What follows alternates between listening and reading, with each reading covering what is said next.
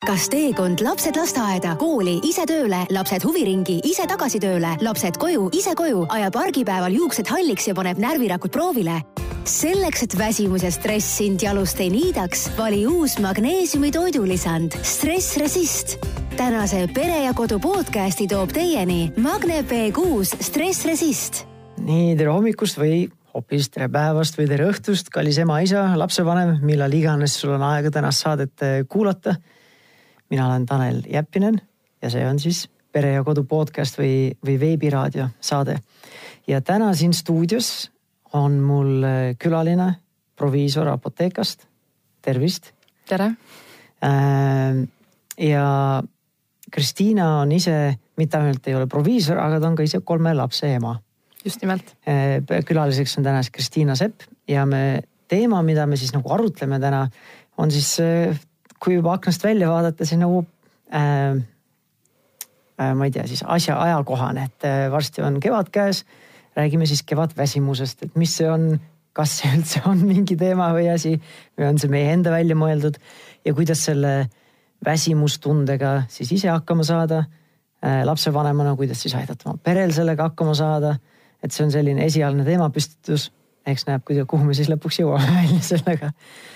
Et eh, on see enam-vähem selline teema, mille, millest sa tulid siia rääkima või panin natuke mööda?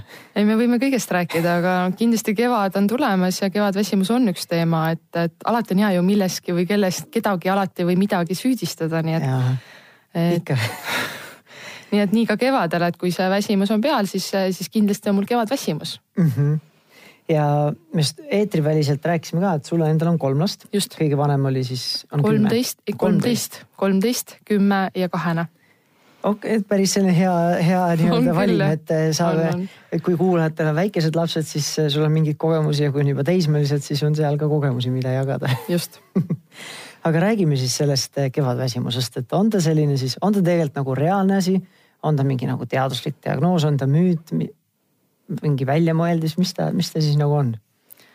ütleme nii, et tegelikult sellist teaduslikku niisugust diagnoosi kui kevadväsimus ju pole olemas mm. -hmm. aga ta ei ole ka müüt et selles mõttes, et tõesti inimesed on kevaditi rohkem väsinud, seda võib, selles võib süüdistada seda, et aastaajad hakkavad muutuma mm. -hmm see on just see, et me nüüd on rohkem päevavalgust, siis keha peab kohanema sellega, mingite hormoonid, mis iganes. just, just, no, no täpselt, näed, sa tead kõike, nii et ma ei teagi, miks, miks sa mind siia kutsusid, aga aga tegelikult on nii, et äh, talvisel perioodil keha toodab rohkem melatoniini, see tähendab, et on sellise pimeda aja niisugune äh, ma ei ütleks, et ta põhihormoon on, aga lihtsalt keha toodab see rohkem, see melatoniin on vajalik, et sul oleks hea uni, unetsükkel. Ja näiteks ka inimesed Äh, kellel on halb uni või, või jäävad halvasti magama või uni on katke, katkendlik, siis tuleb ekstra melatoniini või juurde mhm. võtta. aga, aga kevadel, mis juhtub, on see, et päikesevalgust on rohkem ja keha hakkab tootma hoopis serotoniini, see on niisugune energiahormoon niisugune mm -hmm. lihtsast keeles öeldud, et.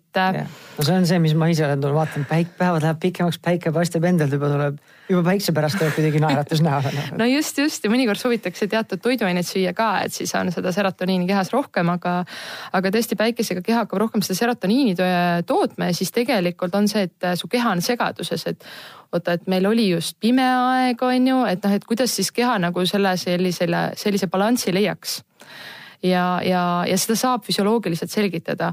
samas jällegi on see, et äh, talvisel perioodil äh, keha nagu hoiab rohkem energiat alles, jääkained kogunevad kehas mm. ja nüüd, kui on, äh, tuleb kevadperiood, siis tegelikult tal ei ole vaja kehal nüüd nii palju salvestada, vaid ta tegelikult tahaks vabaneda, aga nüüd seda kõike, mis kehast on vaja vabaneda, on li liialt palju ja see ka kurnab jällegi. et täitsa omal kohal on see kevadine see paastujutt, et tuleks veidi kergemalt võtta, siis tegelikult sellega toetabki seda, et organism kiiremini balanssi jõuaks, aga see paast ei tähenda seda, et inimene ei söö või ja, joob ainult vedelikku, vaid tegelikult lihtsalt süüakse kergemalt et mm -hmm. ei panna seda jõulurooga, et hapukapsast, kartulit ja liha on ju.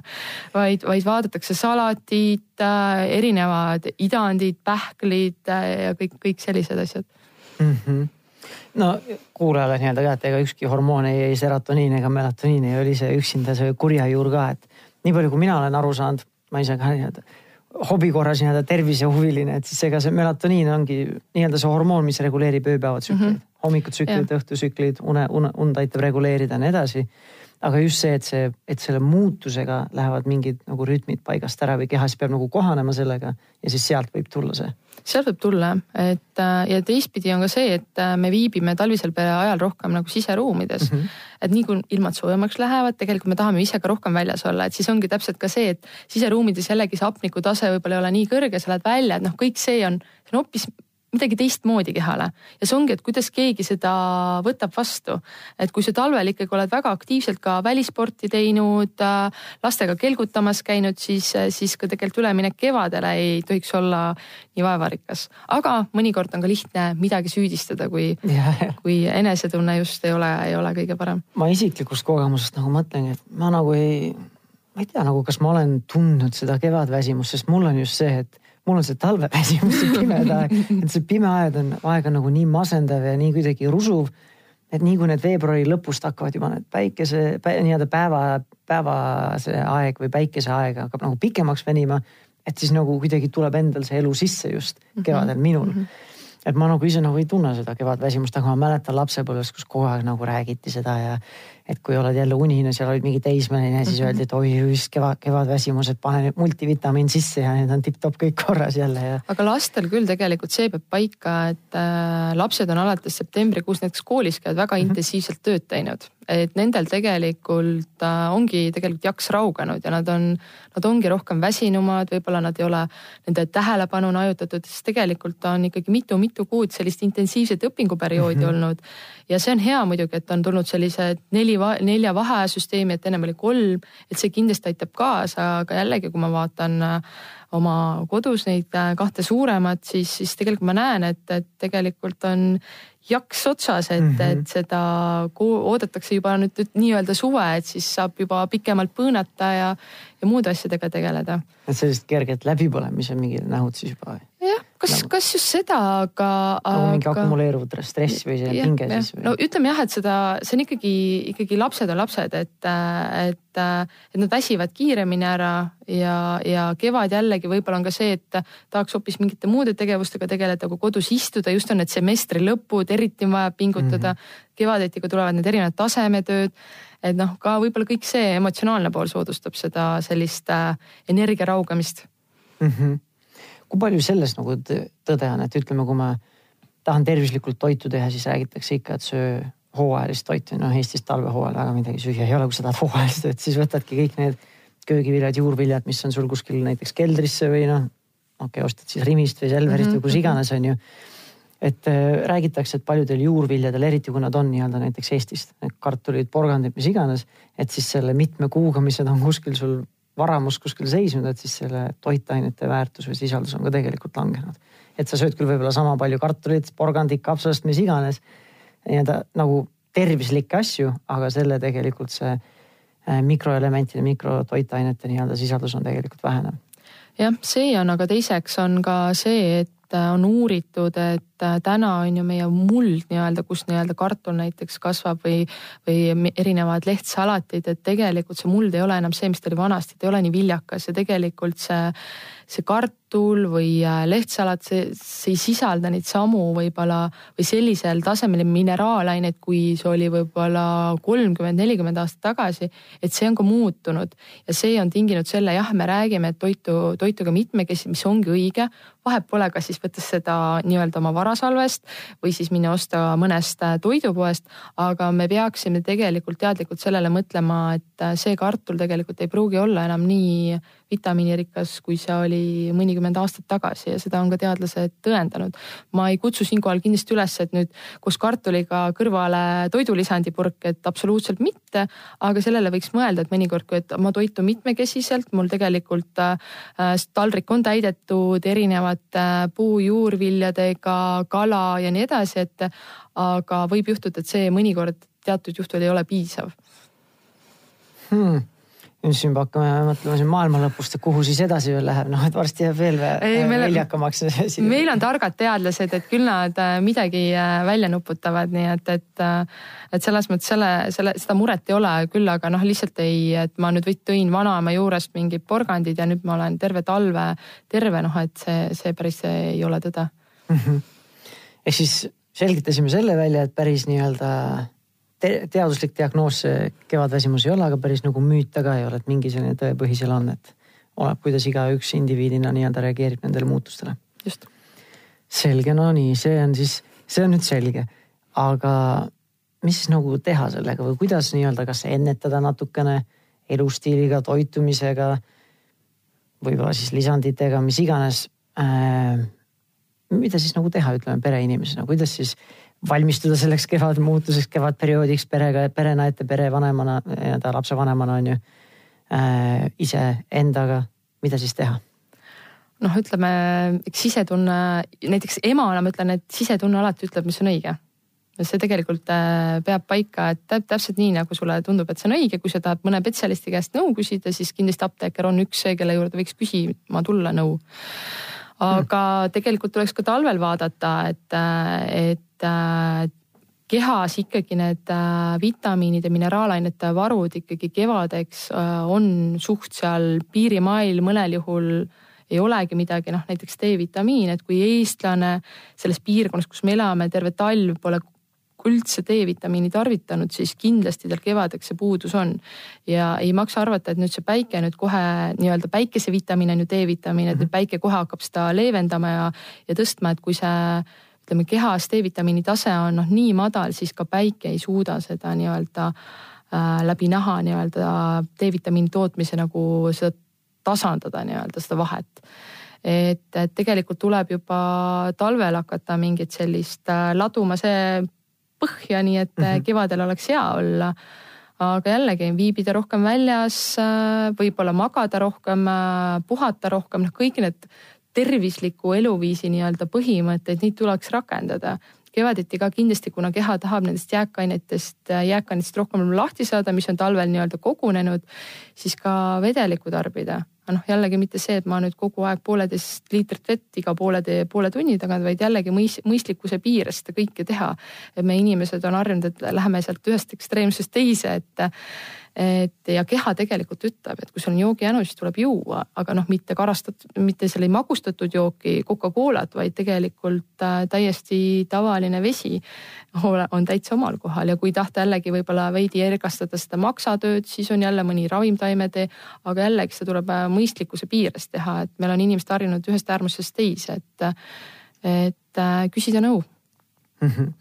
no sellest lihtne on öelda, teeme kõike mõistlikkuse piiris, aga esiteks meil ei ole kõigil võib-olla mingit infot, et mis see siis on, on ju, mida siis peab tegema.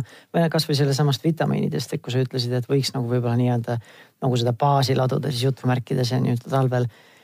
ega siis see ei maksa nagu tegelikult jälle sellega nagu ka liiale panna, et võib küll, keegi võib öelda, et no vahet ei ole, palju ma D-vitamiini söön, et küll ülejäänud tuleb siis kehavedelikega välja ühest otsast, ühest otsast sisse, teisest välja, on ju aga see ka vist päris õige ei ole, et, et need inimene, see organism ju töötab nagu ikkagi koos, et ühest poolt vist D-vitamiin on seotud ka kaltsiumi nii-öelda sisaldusega luudes, et kui seda D-vitamiini liiga palju võtta, siis ei ole ilmselt ju teiselt poolt jälle hea. ja ei absoluutselt, et äh, seal on nagu nii palju nüansse, et tegelikult ongi, et iga indiviidile tulebki personaalselt läheneda, et noh, näiteks D-vitamiin, noh, vitamiinid üleüldiselt lahus, lahu, jagunevad veeslahustuvad mm -hmm. ja mhm. rasvlahustuvad. D-vitamiin näiteks on rasvlahustuv ja D-vitamiini ületarvitamine on tõsiste tagajärgedega, et noh, seal ongi see mõistlikkuse piir peab, peab, peab juures olema, et selles mõttes, kui inimene ei tea oma D-vitamiini näitu, siis on piirmäärad ette antud, mida ta võiks tarvitada. kui näiteks on eakam inimene, siis me, siis tegelikult tema juba enam toidu päikesekiirgusega isegi see läbi naata, organism ei suuda toota. See tase peab olema juba suurem, samamoodi rasedad või väikelapsed, et noh, väikelapsele arengu mõttes on absoluutselt vaja, et kuni teise eluaastani iga päev võtaks. aga ma arvan ka, et äh, mõistlik oleks sellega jätkata veidi pikemalt kui ainult äh, teise eluaastani, et, et see D-vitamiin lihtsalt nii oluline immuunsus, luude, hammaste areng, ajule, kui on ka stress, ärevushäired, on tõendatud, et D-vitamiinist on abi, et et seal on nagu nii noh, see D-vitamiini olulisus on ajast järjest kasvav ja mul on hästi hea meel, et tegelikult Eesti inimesed on väga teadlikud ja nad tegelikult väga hästi teavad, et D-vitamiin on rasvlahustuv ja kui ta oleks niisuguses väikses õlikapslis, ta omastub paremini kehas on ju mm. -hmm. et, et inimesed kõiki neid asju teavad, et, et ja inimesed tegelikult üha enam koolivad oma tervisest, sest inimesed tahavad elada kvaliteetset elu ja pikalt elu ja, ja kindlasti emad-isad mõtlevad oma oma väikelaste peale päris palju ja ka kooliealiste peale, et kuidas nende stressi maandada, et jällegi noh, kui midagi ei tea, kui, kui on see, et midagi on nagu vaja anda, siis noh, e-, Eesti keskkonnas või Eesti nii-öelda Eesti elanikele vahet pole, mis vanuses see D-vitamiin on omal kohal mm. -hmm. Jällegi anda, et noh tuleb siis geograafilisest asukohast rohkem oh,. absoluutselt selles mõttes, et äh, nii ta on. Noh. nädalane lõunamaa reis on sellest nagu tolku siis sellest vitamiini vaatevinklist või pigem lihtsalt aitab natukene võib-olla turgutada siis äh, seda vaimu? tegelikult see, seda kahjuks kõik Eesti inimesed endale lubada ei saa, aga muidugi see nädalane lõunamaa reis äh, teeb head kehale mm. -hmm. ja et kui läbi päiksekiirguse D-vitamiini toodetakse, siis kindlasti on see hea Eh, kindlasti ei maksa arvata, et ma nüüd nädal aega käisin, sain pruuni naha, et nüüd terve talv on hooletu. ei, see ei ole tegelikult kuu aega hiljem on noh, ole, ole, on see inimene samas seisus tagasi.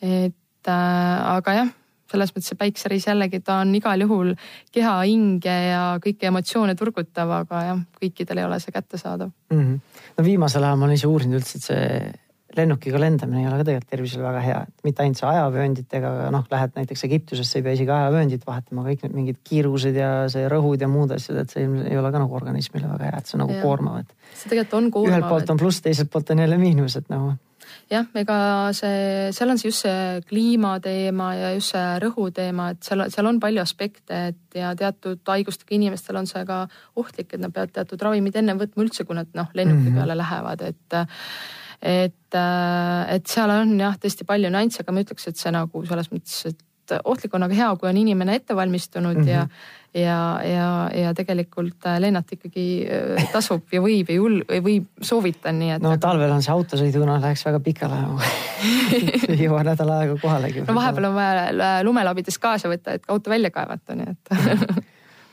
selge, et siis võiks teatud asjades võiks nagu toetada enda enda tervist siis näiteks toidulisandite, vitamiinidega ja muude preparaatidega, siis näiteks D-vitamiin on ju. aga elustiilis me rääkisime sellest, et võiks nagu kuulata siis oma keha ja märgata siis võib-olla lapsi, et ongi, et kui on, tahavad magada ja puhata, siis las nad puhkavad ja magavad või äh, sa füüsilise aktiivsuse kohta ütlesid ka midagi, et kas peaks nagu füüsiliselt aktiivsem olema kevadel või hoopis tegelikult vähem aktiivsem, et siis keha saab kohaneda, et vähem stressi on, anda, panna kehale või kuidas sellega siis no, on? no tegelikult see füüsiline aktiivsus on äärmiselt oluline see on kõikidele luudele, liigestele, su üleüldisele emotsionaalsele niisuguse lävendi jaoks, et see kasvõi kolmkümmend minutit päevas jalutamist sõltumata vanusest on äärmiselt oluline. täna on pigem probleem, et, et on ju ägedad nutitelefonid ja mm -hmm. arvutid ja, ja miks ma üldse pean mingis trennis käima, kui me nüüd lastest räägime, et, et see on väljakutse vanematele, et, et siin me ei tohiks nagu silma kinni pigistada, et muidu ma pean kohe vaatama peeglisse, et ega, ega mul on ka ikkagi vajakajäämist selles osas, et ikka see kümneaastane noormees väga-väga tahab seal nutitelefonis arvutis olla, et, et saada ta trenni. täna ma panin talle meeldetuletuse, et kell neli on trenn ja, ja tuleb minna mm. -hmm. nii et. no kes meist täiuslik on noh et mm. füüsiline aktiivsus, et see oleks nagu regulaarne, mitte see, et nüüd kevadel hakata siis seda üles kruttima või? noh, tavaliselt on see, et see tahet, äh, eesmärk on ju suveks saledaks, noh. ja teiseks nagu, juuliks no.. just täpselt, et, et oleks ilus, aga, aga seda peaks võtma nii, et see on sinu keha jaoks hea et äh, erinevate krooniliste haiguste puhul on ka ära tõendatud seda, et näiteks äh, kui eakad näiteks regulaarselt kõnniksid, äh, kõnniksid äh, igapäevaselt natuke, see aitab nii palju näiteks luu hõrenemise vastu või, või ka mentaalse tervise nii-öelda, et puhul. samamoodi noh, et äh, mina lapsevanem, kellel on tegelikult väga kiire elu, elutempo on ju logistika, ma arvan, et vanemad kohe saavad aru, millest ma räägin, et üks sinna teenida, teine sinna, et siis abikaasaga jagame, et kes kuhu jõuab, on ju, et, et tegelikult ka enda jaoks aega võtta ja, ja see kasvõi minna jalutama, sest, sest tuleb viibida värskes õhus, aga lihtsalt mitte see, et ma nüüd istun, tõstan tooli õue ja istun seal, vaid ma tegelikult reaalselt liigun, mitte ja see ei tähenda seda, et ma pean nüüd digimull otsas jooksma, vaid ma liigun. Et see mhm. tähendab, et jalutamine, aga ta võiks jällegi olla mitte nii, et ma lohistan jalgu järgi, vaid ikkagi selline korralik mõõdukas, mõõdukas mm -hmm. tempos natukene toonust anda. just, just, just. ei pea pulssi üles andma, et pärast pead hingeldama, aga, aga ikka selline normaalne tempo, et ikka tunned, et liigud. just äh,. aga räägime sellest unest ja üldse sellest puhkamisest, siis see on selline asi, mis. Et noh, kevadel tuleb see kella keeramine samamoodi, mis lööb paljudel rütmid, äh, rütmid sassi äh,. mul on endal hästi palju tuttavaid äh, Ameerikas, nendel just on, see on Eestiga võrreldes nagu mõni paar nädalat varem on ju et siis äh, alati nagu iga kevad, iga sügis täpselt samad teemad on ajakirjanduses, igal pool sotsiaalmeedias, kuidas kõik kiruvad seda, kus ei, kuidas ei puhka lapsed välja või sa neid ülesse või mis iganes need põhjused on seal.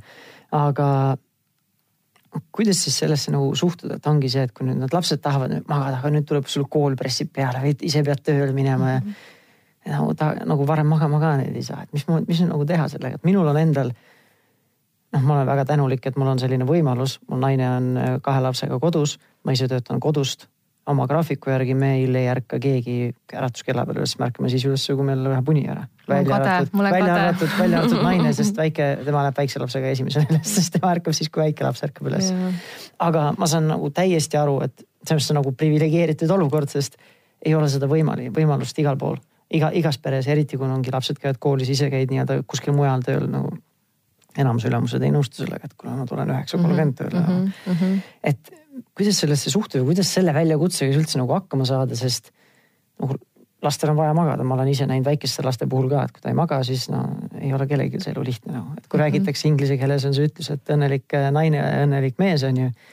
Eh, või kui naine on õnnelik, siis on mees õnnelik mm, -hmm. siis ma ütleks lapsevanema seisukohast samamoodi, kui lapsed on õnnelikud ja puhanud, on kõik, kõik õnnelikumad ja puhanumad on ju kuidas selle väljakutsega siis hakkama saada, teismelistega veel hullem, nagu need on samamoodi tahavad öösel üleval olla, aga neil on see unevajadus vaata et isegi suurem kui varasemas nii-öelda kasvufaasis. ega, ega mul head nippi selles mõttes ei ole, et ma pigem ka lähtun nagu enda isiklikust kogemusest, et äh, et kui, mis puudutab nagu selle kella keeramist, siis seal ongi, et äh, tuleb äh, poole tunni kaupa või veerand tunni kaupa seda nihutada, kui on väga täpselt see mhm. päevakava paigas, siis tegelikult üleminekut ei ole tunda noh, mina, mina saan oma praktikas öelda, et ma samm-sammult olen ju kõige pisemaga seda rakendanud, sest tema tegelikult kõige mm -hmm. tugevamalt tunneb, tunnetab vähemalt meil peres seda ajalist muudatust. aga suurtemate puhul ha,. seda ma polegi varem mõelnud, et kuidagi sujuvalt teha, sest ma tean, et kui sa reisid nii-öelda, et ajas, ajatsooniga öeldakse, et ühe päevaga umbes üks tund harjud ära on ju, et nii-öelda mhm. liiguta seda endale on ju. aga, aga mismoodi viisteist minutit selles mõttes sa pead ja just, et sa nagu nihutad kogu aeg niimoodi, et sa näiteks ongi kella keeratakse nüüd ette või taha, vahet pole, aga siis siis lähtuvalt sellest, kas sa siis juba lähed viisteist minutit varem magama või viisteist minutit hiljem magama, et tegelikult see temale see tunniajane muudatus on juba muudatus, aga selline väiksema sammu kaupa üleminek ei ole nii suur muudatus väikelapse mhm. jaoks. aga see tähendab ka, pigem see tähendab, et vanemal peab olema see distsipliin, et seda niimoodi teha, on ju. sa alustad juba siis reede õhtul seda näiteks. no näiteks, no näiteks, et aga suurtemate puhul see hommikune uni äh, on oluline, nad peavad saama välja puhata, et eks see kooli algus on, äh, mulle tundub sätitud selle järgi, et vanemad lähevad tööle kell üheksa on ju, mhm. viivad lapsed kaheksaks kooli, siis tegelikult nad jõuavad kell üheksa tööle, et see tähendab juba sellist ühiskondliku kokkuleppe sõlmimist. et, äh, et lapsed saaksid kauem magada siis ka tööandjad peaksid sellega arvestama, et need vanemad jõuavad lihtsalt hiljem tööle, et praegu mulle tundubki, et see on paika pandud selle järgi, kuna nii-öelda vanematel see töö, tööpäev algab. jah, ma ei tea, kui õige nagu see info on, aga kui, kui lugeda mingeid artikleid, siis nagu räägitakse ja et selle juured on kuskil seal industriaalaja alguses, et kui nii-öelda tulid nii-öelda tehased ja asjad, et siis pandi kõik need muud asjad selle järgi, tootmisliinide järgi mm. paika nagu, et aga noh, seda selles mõttes on hea näha, et, et minu lapsed käivad sellises koolis, kus kool algab kaheksa kolmkümmend. minu arust on väga hea see on andnud minu jaoks nüüd, kuna me koolimuudatust oli meil nüüd see eelmine, nüüd see sügis on kaks tuhat kaheksateist sügis, siis eelmises koolis oli kell kaheksa on ju, et siis nagu noh, minu jaoks see pool tundi ka noh, läbi lastepilgu on kõvasti aidanud seda nende kohanemist ja seda hommikust ettevalmistust, et näiteks mu tüdruk, ta lihtsalt, ta vajab, et kui ma ütlen talle, et noh, nüüd üles nüüd kooli, tema vajab vähemalt seda tundi et mentaalselt jõuda sellesse, et ma nüüd lähen kooli.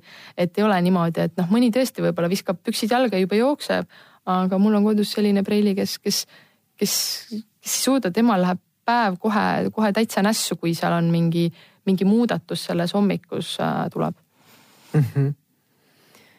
no see, kui ütleme, no okei okay,, no ideaalis loomulikult me võiksime kõik varem magama minna ja lapsed varem magama saada ja nii edasi, aga äh, ütleme, kui kas ei ole võimalik või siis mis iganes põhjus või vabandus meil seal on.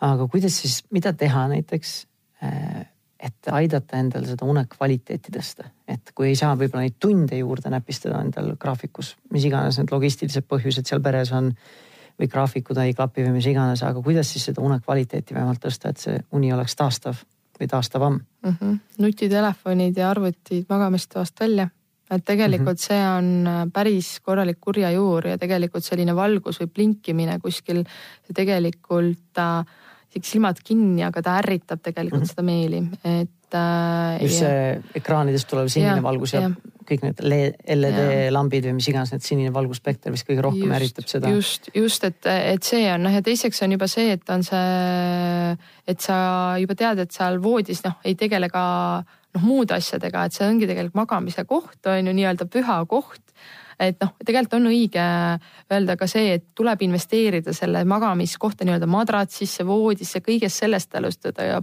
padjani välja, on ju. et me viidi, viibime seal kõige kauem ja see, kuidas me seal viibime, sellest sõltub see, millised me päeval oleme mm. -hmm Äh, oluline on ka kindlasti see temperatuur ja niiskusaste, sellepärast et äh, eriti väikelaste puhul, et kui see ikkagi läheb väga kuivaks, siis nendel juba need kõrid ärrituvad ja, ja tekivad nii-öelda ninna need kollikesed on ju, et tegelikult see segab tema magamist, sest ta on häiritud. et see niiskus peaks ka olema balansis on ju, et see ongi, et ma tean, mõned vanemad väga agarad ostavad endale neid nii, niisutajaid sinna koju, aga, aga ma arvan, et noh, on ka muid võtteid, mida, mida annaks teha ja noh, täna mm -hmm. ütleme nii-öelda kaasaegsetes elamutes või noh, need, mis on viimasel ajal ehitatud, seal juba nende nüanssidega on arvestatud, et sa saad igas toas nii-öelda reguleerida, et see on muidugi kõige parem, aga jällegi me ei saa taandada, et kõigil need võimalused on, et siis peab nii-öelda koduste käepäraste vahenditega tekitama sellise hea, hea keskkonna, aga noh. märjarätiku rätika no, peale. põhimõtteliselt põhimõtteliselt jah okei okay., no see on, seda ma olen ise ka palju äh, lugenud, et just see ekraanid ja asjad on, vahet ei ole, kui äge madrats mul ja padi on, aga mul on seal voodijalud, siis on mul suur mingi, ma ei tea, neljakümne tolline telekas, mida ma vaatan nii-öelda ära kukkumiseni.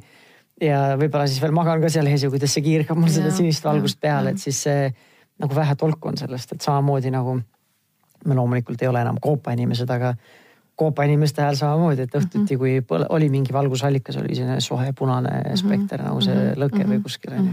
Mhm. et, äh, et ma ei ole sellega samamoodi ideaalne, aga vähemalt lapsed meil ongi õhtuti ei vaata üldse mingeid ekraane. ise sagedasti ikkagi kipun õhtuti tööd tegema, sest lapsed magavad juba nagu. küll on siis igal arvutitel ja telefonidel on nüüd vähemalt need filtrid peal, et sa need punase, punased filtrid peale paned, on võib-olla natukene nii-öelda mm. nii-öelda äh, vähem nii-öelda ärritab nii-öelda neid mingeid muid mm -hmm. sensoreid või retseptoreid sul või mis iganes.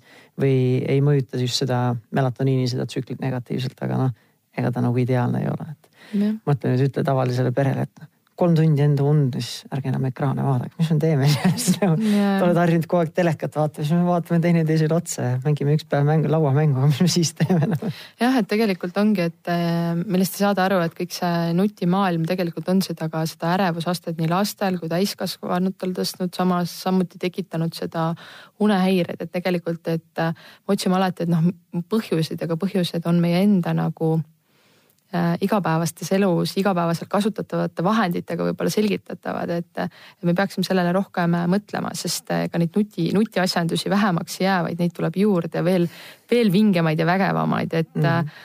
et, et aga noh, me peaksime mingi hetk ütlema, et stopp ja nüüd on, nüüd on see uneaeg, sest une kvaliteet on aluseks sellele, et sa oled terve sul on peres nii-öelda kõik rahulikud, et noh, et me teame ise, kui lapsed on maganud hästi on hästi, kui on ikkagi öö läbi mingi sahkerdamine, siis tegelikult tähendab, et terve järgmine päev on lännu noh, heas mõttes, et mm, -hmm. et sul on kogu aeg piiril laps, kes, kes tahab tähelepanu, tegelikult on probleem selles, et ta pole saanud korralikult ennast äh, välja puhata, nii et mm. -hmm. ma ise olen nagu väga veendunud selles, et see, et see uni ja une kvaliteet ja korralik une saamine on nagu oluline, ükskõik mis faasis sa oled, sa väike laps, oled sa täiskasvanu mm, -hmm. kui sa tahad nagu optimaalselt opereerida. et ma ise mingi viimase poole aasta selline no, kerge fanatism, aga ma ise ongi, mul on see unemonitor, mis mõõdab mul äh, unetsükleid, kehatemperatuuri, keha oh,, wow. keha, igast muid asju, et siis sealt nagu saabki näha, et. et kui ma olen ise õhtuti enne magamaminekut olen veel mingi pool tundi mängin mingit sudokut või lihtsalt nagu, sest tahtejõudu enam ei ole, lihtsalt tiksud ja vaatad mm -hmm. mingeid mõttetuid mm -hmm. asju lihtsalt sellepärast, et ei ole seda tahtejõudu, et see asi, telefon ära panna. siis hommikul vaatad kohe, et unetund oli sama aga unefaasid olid paigast ära, et seda sügava ja taastava unefaasi nagu ei olnud.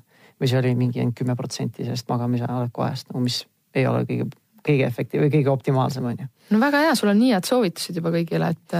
et no see on, ma ei tea, kui palju sina oled ise uurinud või nõustud, et üks asi, mis, mida räägitakse just sellest samast, mis sa rääkisid, sellest melatoniini regulatsioonist organismis mm. -hmm. et siis paljud nagu on soovitanud ka, et just esimeses päevapooles saada päevavalgust et siis aitab just nagu stimuleerib päeva, päevaaja hormoone ja siis need omakorda siis nagu aitavad hiljem siis õhtuhormoone nii-öelda reguleerida, et et kui ideaalne oleks tõesti, et no kõik enne kahtteist saaksime palju päevavalgust ja siis õhtul enam seda sinist valgust nagu nii-öelda ei tarbiks, on ju mm. -hmm.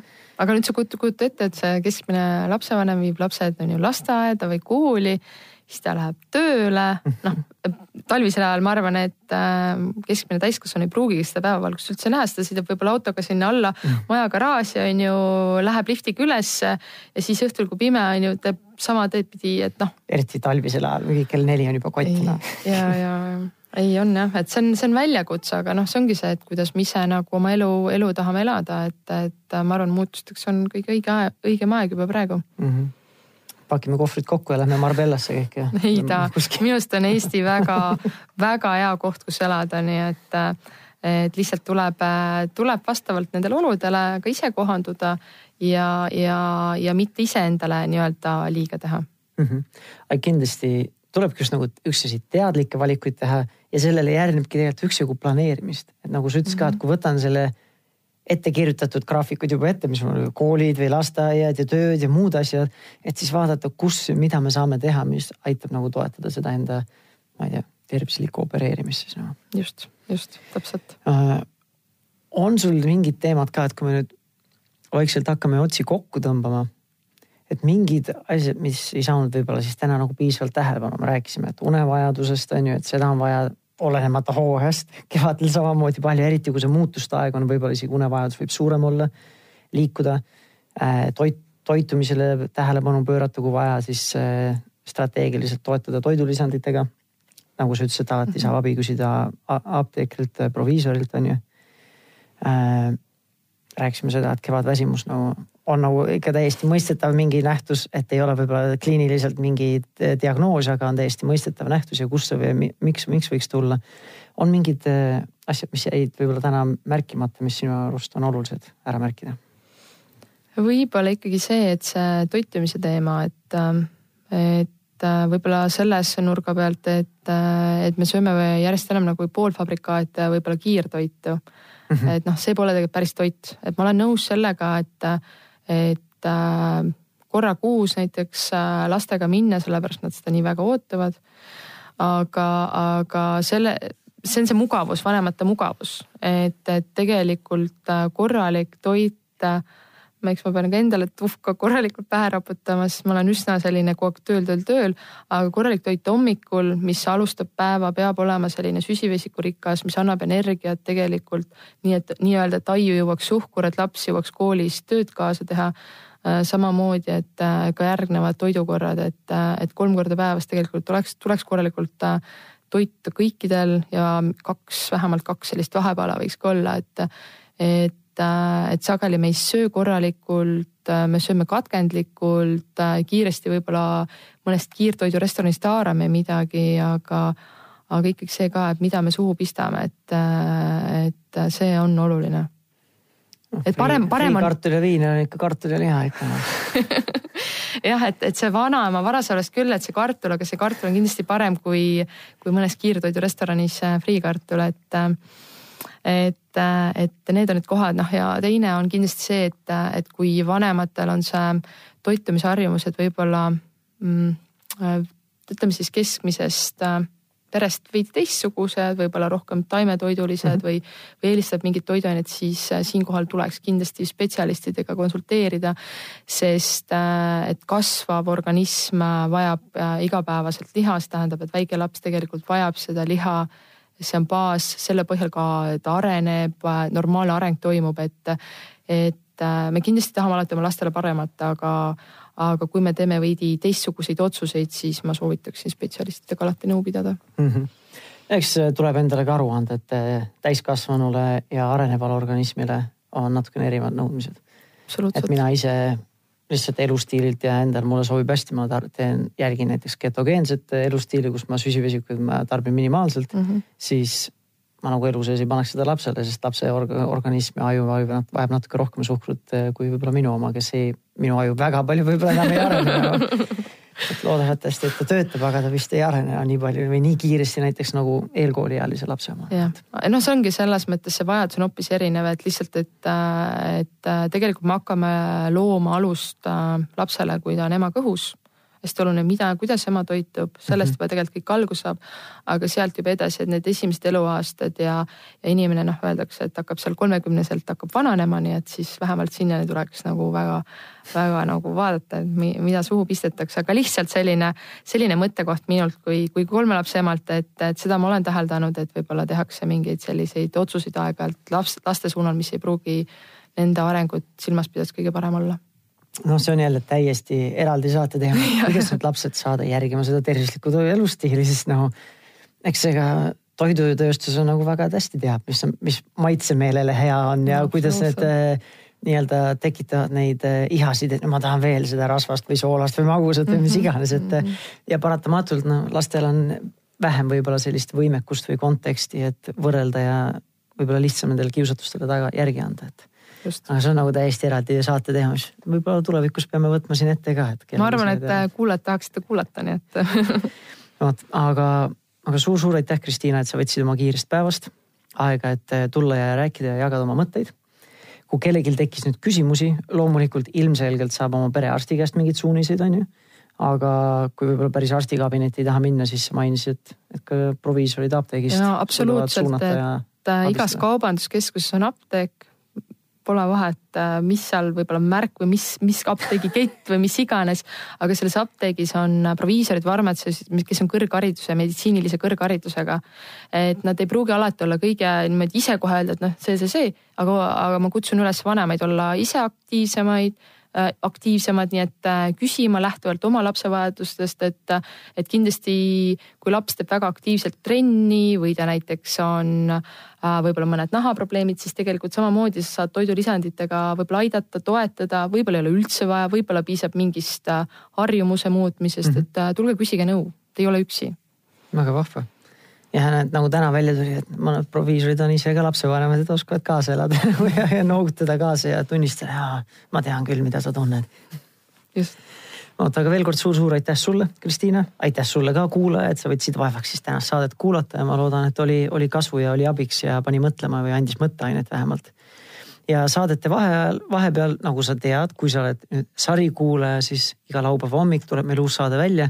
saadete vahepeal võid silma peal hoida siis Delfi ja Pere ja Kodu veebiväljaannetel ja Facebooki lehtedel. ja kui sa tahad minuga kahepoolselt suhelda, siis mind leiad sa Facebooki grupist Positiivne ja rahumeelne vanemlus. aga aitäh, et kuulasid, järgmise korrani ja tšau. kas teekond lapsed lasteaeda, kooli, ise tööle, lapsed huviringi, ise tagasi tööle, lapsed koju, ise koju, ajab argipäeval juuksed halliks ja paneb närvirakud proovile? selleks, et väsimus ja stress sind jalust ei niidaks, vali uus magneesiumi toidulisand Stress Resist tänase Pere ja Kodu podcasti tõi teieni Magne B6 Stress Resist